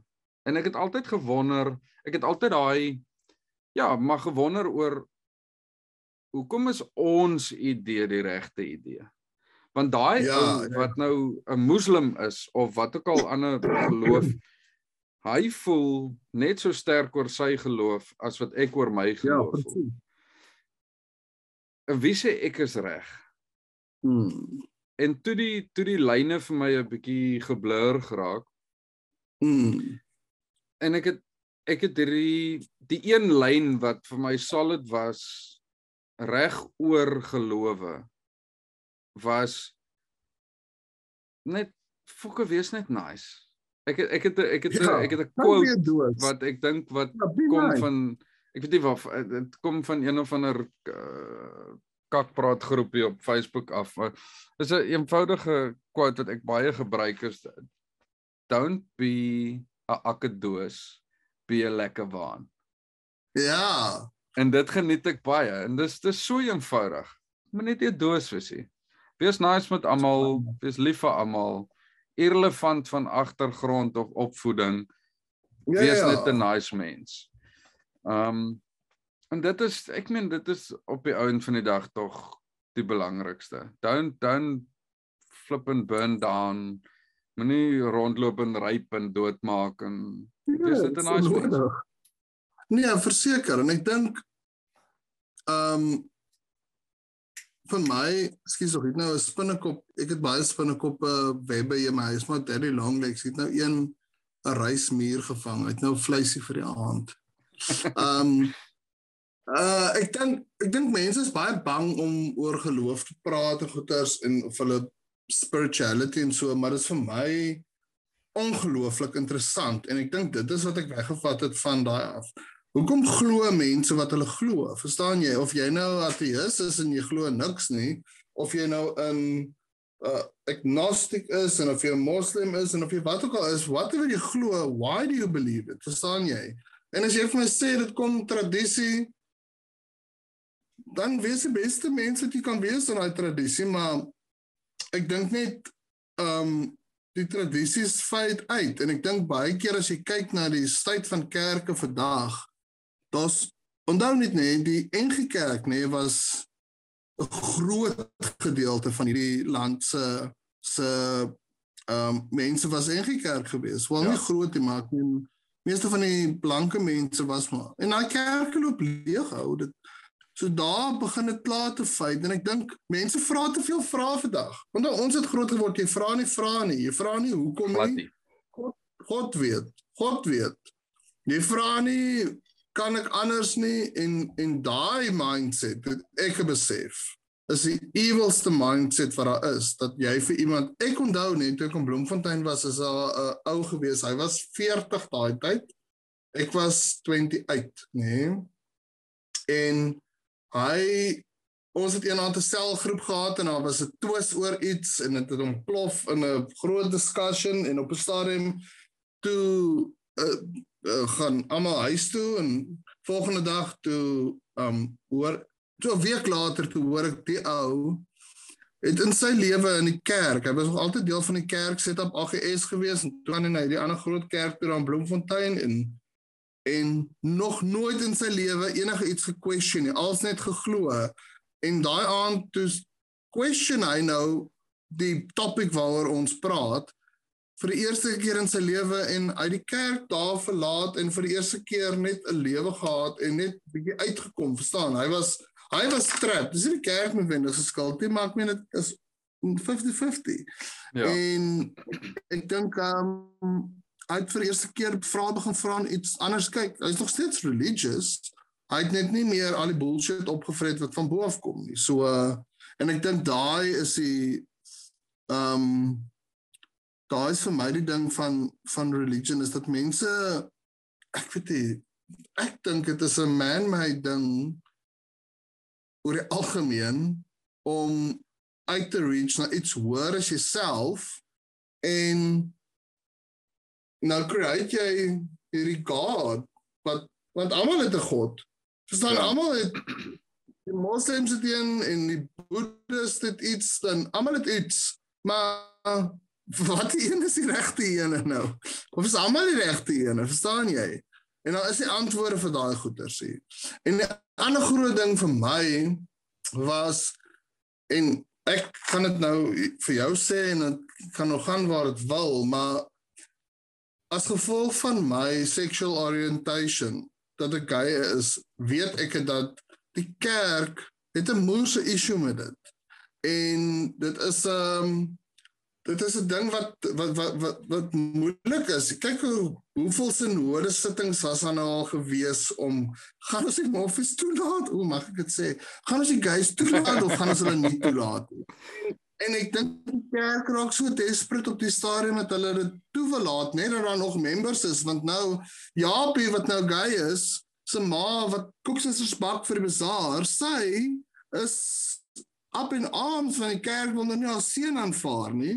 Aanvaar hulle dan bak sy net maar weer die koeksisters. Verstaan? So ehm um, jy verloor mense met sulke besluite en tegnies in al die studies wat die bietjie studies wat ek gehad het in teologie is dit nie 'n aanvaarbare ding in die religie nie.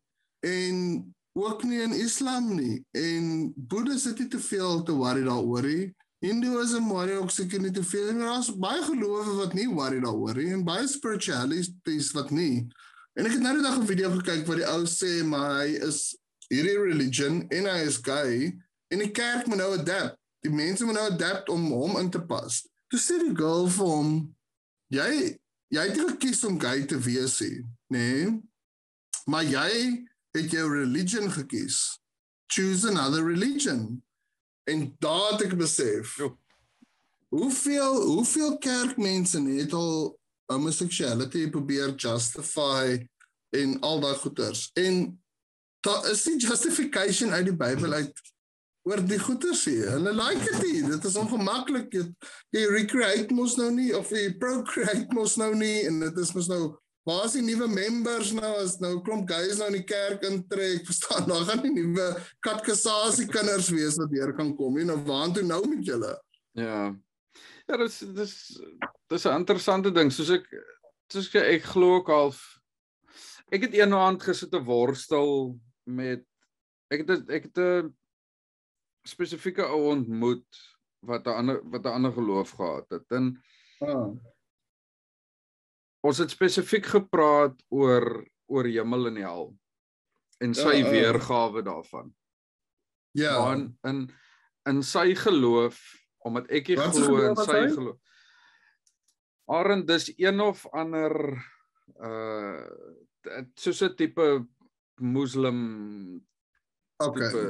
ding. Ek kan nou nie eerlikwaar dis 15 jaar terug 16 jaar terug. Okay, ek kan dit nie so lekker spesifiek onthou nie. Islam ja.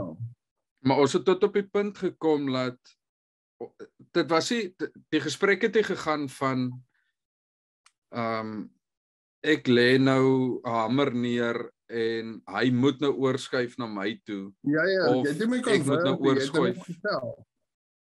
Ja, ons ons het gepraat daaroor, maar ons het tot op 'n punt gekom van of na ons gesprek het het ek gesit te dink oor volgens hom gaan ek hel toe of hulle weergawe ja. van hel omdat ek nie glo wat ja. hy glo nie. Ja ja. Volgens my geloof gaan hy ja. heel moontlik hel toe want hy glo nie wat ek ja. glo nie. Ja. En ek het ek het die aand gesit en gedink ehm um, ek het nog ek het nog altyd al groot geraak waar geloof is 'n persoonlike ding.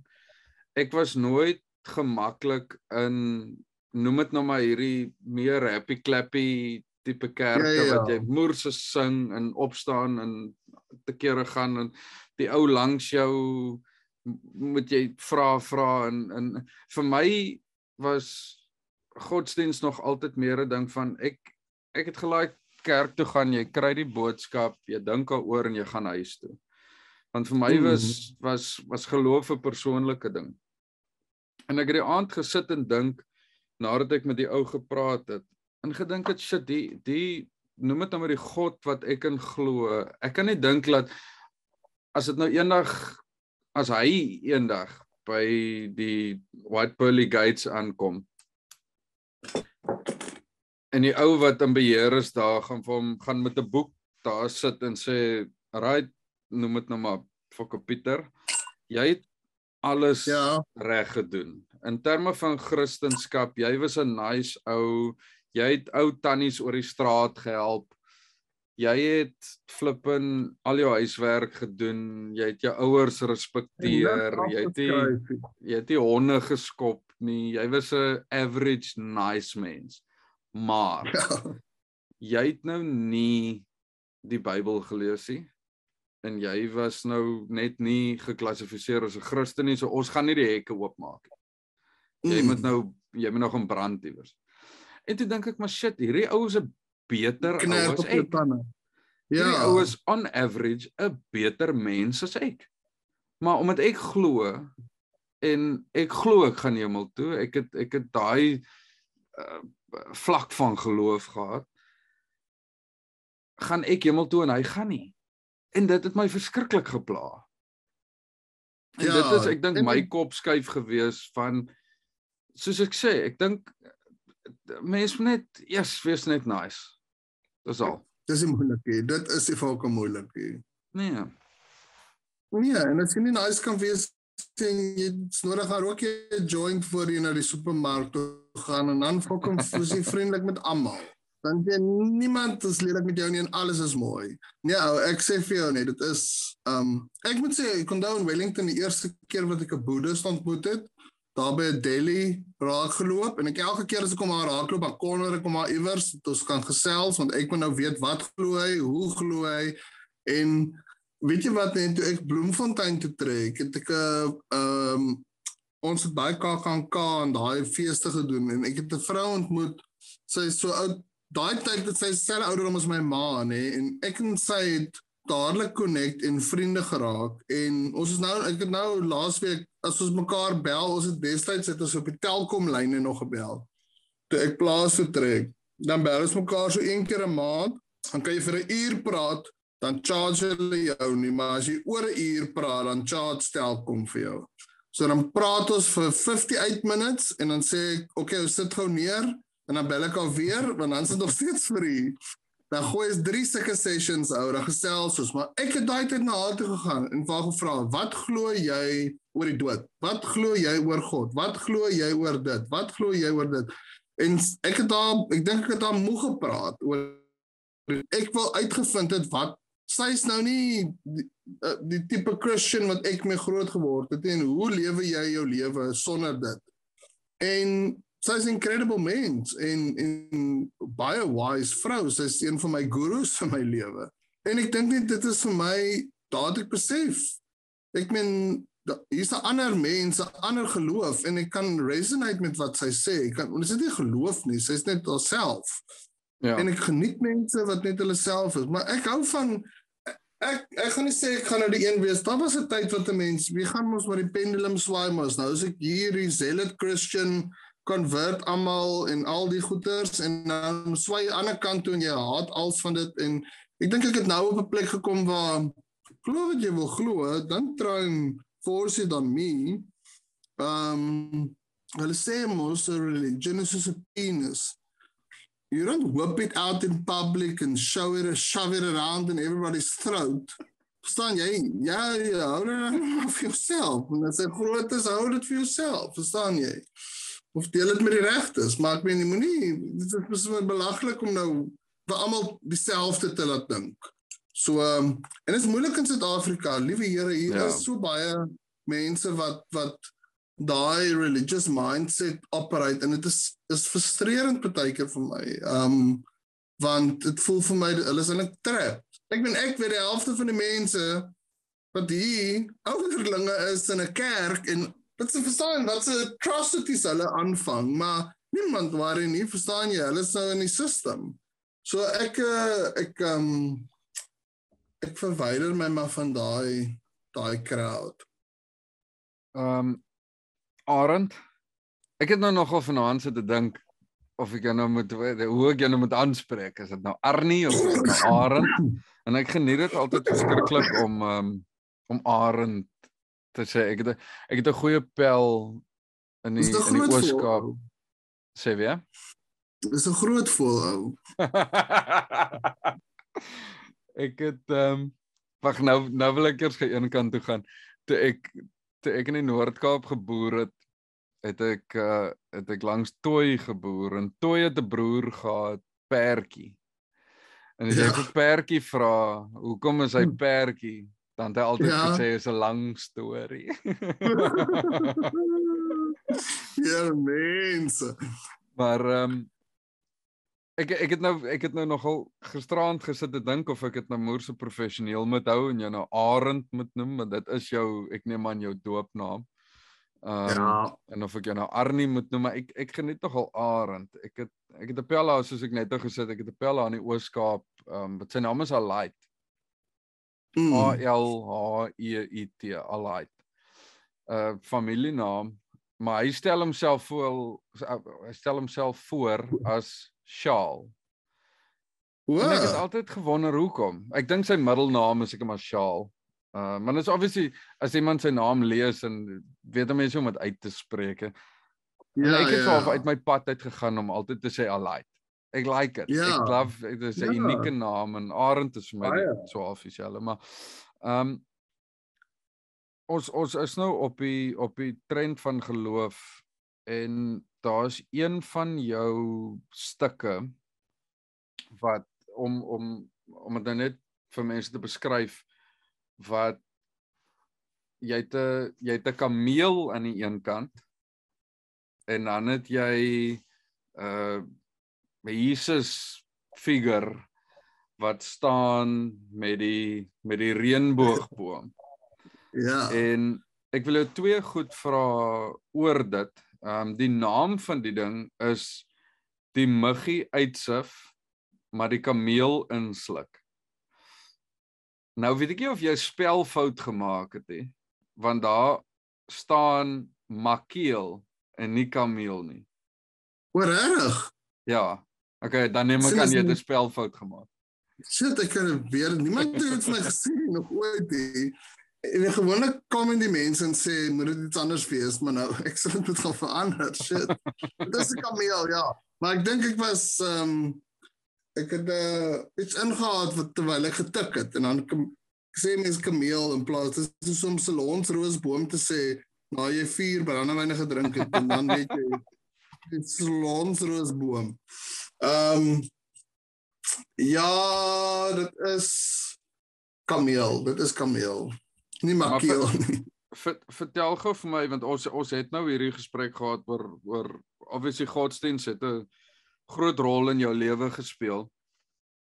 Um, Ja, Is is ek dink is daar nog is daar nog 'n gedeelte van geloof wat het uh wat homself uitspeel in jou kuns en en soos ek sê Ehm. spesifiek hierdie hierdie een stuk um wat wat is die storie agter dit? Okay, kom ek kom ek antwoord die vraag. Ek sal daai vraag, daai daai painting sal ek nou bespreek. Maar ek dink omdat ek nie geloof het in daai opsig nie. Ek het nie religion nie. Ek het ek sal sê ek is miskien 'n bietjie spiritual, maar ek soek feite, verstaan jy? Ek soek solid feite. Ek soek nie ek hou nie van die konsep eintlik van geloof noodwendig nie. Dit moet nie te glo wat jy nie sien nie. Dis malligheid vir my op die stadium. Ek was daar waar ek dit gedoen het, maar ek meen is ja, ek glo daar's goeters wat daar is wat 'n mens nie sien nie, maar daar is, maar uh nie geloof vir my nie. Maar my paintings het nie geloof in nie wat ek wat ek voel wat my paintings in het in in die rigting wat ek beweeg as ek kan sê in 'n in 'n spiritual sin is to be grounded op hierdie aarde to tread lightly on earth en om grateful te wees vir elke fucking golden hour wat ek buite op die plaas kan sit en die sunset kyk en die eile sien uitkom en oh dis my dis my kerk op die stadium dis my religion om daai elke middag gaan sit ek daar buitekant op 'n bankie en gewoonlik hier in daai golden hour tyd so as ek werk en ek sien die son sak dan suiker ek uit met 'n koppie koffie of 'n whisky of 'n Nesquik. Ek het Nesquik ontdek weer. Fok dit is lekker. Dit is nog net so lekker soos kind ek het die chocolate hier gekoop volgende is die strawberry. En ehm um, oh dis my dis ek het 'n baie nice rasta vriend hier in die dorp en en ek het baie geleer by hom oor oor natuur en om om die spiritual te vind in daai natuur en ek dink dis vir my en as ek as ek gratitude het, ek wil happy wees. Happiness, Walter het altyd gesê, happiness is 'n jappie woord. En ek wou the happiness is happiness is 'n sustainable ding nie. Dit gaan up and down, maar jy kan altyd grateful wees. So dit klink soos Oprah, maar fok dit maak sin ou vir my.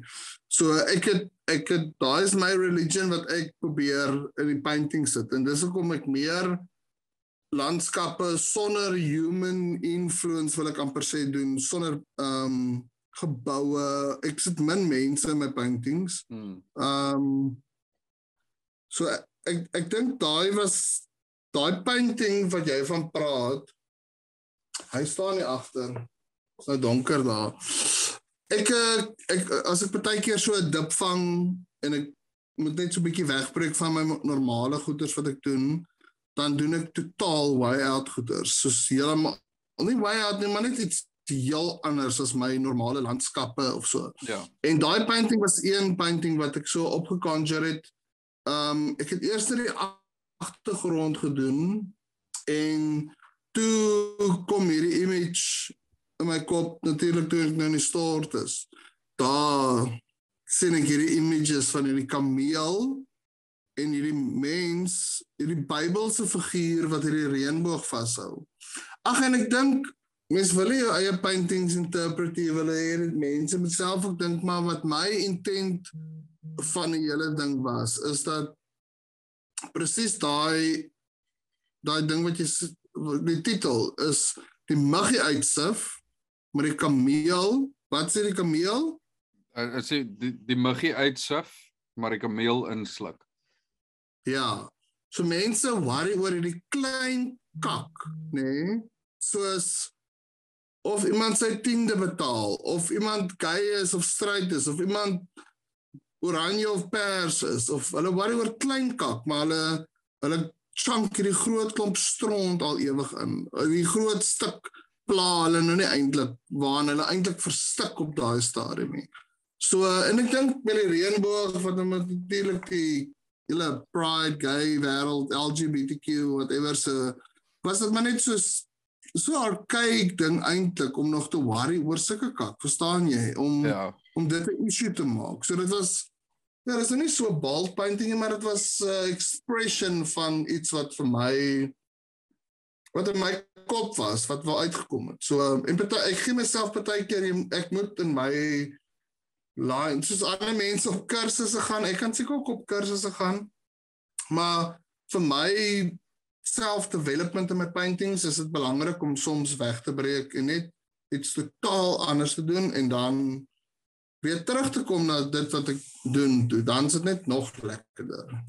Jy moet so 'n bietjie absence makes the heart grow fonder. Oh. Uh, ek wil jou ek wil jou nou nog 'n snaakse ding vra van die die uitleg van die stuk hoe jy dit op het op jou webwerf is jy die totale kunswerk op. En dan reg langs dit het jy net 'n gedeelte van dit op wat net die kameel op is. OK. Nou ek het dit nog eers opgelet. Ja. Ehm um, sorry ek dis nou dalk 'n vasvra vraagie. Maar ek het ek nee, het, dit dit was vir my nogal interessant. Hoe hoe kom jy obviously ek meen is 'n besluit albeet subconsciously om ja ja die totale stuk in te hê en dan reg langs aan net die kameel se stukkie in te hê. Is dit uh, het jy dit gedoen as twee aparte stukke? Of well, praat jy nee, praat jy van op my Facebook? Want ek dink ek het ingezoom op net die kameel op een van die fotos net om te wys dat detail in die painting is, want hy lyk nie of hy baie detail in dit het. Maar ek dink ek het net ingezoom op die painting so stukkie. O, well, okay. Nou, ek lees nou dalk ja, baie meer in dit en is wat reg is. Ja, nee, daar was maar net 'n uh, Ag ek het 'n bietjie ander tegniek probeer en ek ja, ek, ek hou actually van die painting. Ek bedoel ek die die voordeel is as hy nie verkoop hier dan hang hy in my huis dan dan hang hy dan is my mure vol. Wat is so is so 'n stuk van jou uh, kuns wat wat vir jou wat jy kan uitsonder. Is daar een spesifieke een wat vir jou kopboskouers bo die die res uitstaan? Ehm um, just see kyk nee, daar's en soos vir die uitstalling wat ek nou gewerk het, het ek letterlik in my archive ingegaan van my fotos en van my favorite fotos gaan kies wat ek tog altyd wou geskilder het. Sekere atmosfere. So vir my gaan dit oor die atmosfeer van 'n dorp, nê, nee, of van 'n plek. Ek sal baie keer so sit en dan kry ek so die gevoel van die atmosfeer van wat Redelinghuis vir my byvoorbeeld gegee het. Wat nou so 30 km hier van my af En ek het al deur redelings en soos rare gery op 'n Sondagmiddag of op 'n Saterdagmiddag dan sien ek nie een mens in daai hele dorp nie. Almal is in hulle huise of nie daar nie, maar die vibe in die dorp is vir my net so lekker. En omdat ek hier op die platteland bly waar mens sien hoe baie van die plattelandse dorpies begin nou weer vlam vat, nê? Vat Portewil. Here, ek weet nie waar laas jy in Portewil was nie. Was jy al ooit daar? Ek ek was al daar maar 10 jaar terug. Ou, daai dorp het nou ontpop ons het elke jaar 'n uh, so festival ding daar, so so kuns wat daar's daar's daar's moer baie kunstenaars wat nou huise gekoop het in Portugal wat daar bly. So baie van daai kunstenaars is nou deel van die uitstalling en hulle maak hulle huise oop en dan nooi hulle nog kunstenaars na hulle huise toe en dan doen ze 'n kunsfees. Ou dit is incredible. En die community, so wat vir my lekker is is hierdie klein dorpies wat so begin ontpop wat nou Aurora ook byvoorbeeld. Aurora het moer baie mense. Dis nou so 2 ure van die Kaap af. Moer baie mense wat vir hulle naweekhuisies daar gekoop het. Hulle het wel in die winter die huisies gekoop want hulle het geweet hoe voel die somer in Aurora nie. Maar dis 'n beautiful klein dorp. In my uitstalling nou, daar's baie, ek dink daar's 7 of 8 paintings wat ek net van Aurora gedoen het. Van daai die atmosfeer. So ek soek baie keer die atmosfeer in 'n 'n plek of 'n dorpie of iets. Dan moet iets my vang in daai in daai toneel wat maak dit ek dit wil skilder. Um so ek weet nie wat jou vraag eintlik was, maar dis waar ek nou is. Um, Arend ek dink ja, terwyl ons nou weer oor jou uitstalling praat, ehm um, vir die vir die mense wat dalk nog luister. Kom ons praat net gou weer oor jou datums. Ehm um, en en plug al jou jou Instagram, jou webwerf, ehm um, sit dit gou alles neer waar waar mense jou kan kry. Ehm um, waar hulle okay. kan gaan kyk na jou werk. Asseblief plug sover as wat jy kan. OK, ek ehm um, so die uitstalling is by Rousseau Modern Gallery in Hermanus en ja, dis daar in die senter van Hermanus. So dis lekker lekker local. En ek ehm um, ek gaan al wees van volgende Vrydag af tot Sondag toe om te gesels met mense. Ek het lanklaas met mense gesels. Ek gesels eintlik net met my bees en met my hond en met my kat. En soms gesels hulle terug, ook is heerlik. Ehm um, so ja, en dan die uitstalling is tot die 14de toe aan. Ja. 4de tot die 14de. 4 tot 14, ja. Ja, dit is moeë lekker. Dit is ongelooflike lekker. Ek meen dis nou so ure in die Kaap, dit ure en 'n bietjie maar Jesus Hermanus is ook 'n dorp. Kyk, is 'n bietjie kommersieel geraak, maar daar's baie lekker mense en community en ja, die vibe is lekker daar so in daai dorp. Oeg, baie baie nice. So ja, ek ehm um, ek sien nogals baie uit nou dit is 'n culture shock vir my om nou hier van hierdie stilte af te gaan na so 'n klomp mense toe. maar Daar is hom wyn betrokke iewers so iewers kry ek liquid courage en dan gesels ek. Awesome. En en sê gou vir my net jou uh wat is jou webbladsy waar mense kan ja, kyk na jou goed?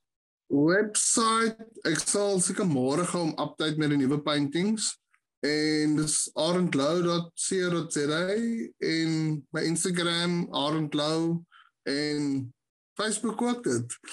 Jy het nou net gepraat oor die naam. My ma ek wil vir jou sê vertel nou my ma het um toe ek nou gebore is nou is ek uh, die eerste seun van die seun van my oupa.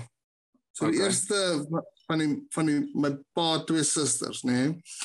En so ek moet toe nou my oupa se naam kry, maar my ma toe net gesê sy gee nie om om my Arend te noem en my oupa se tweede naam te gee nou nie.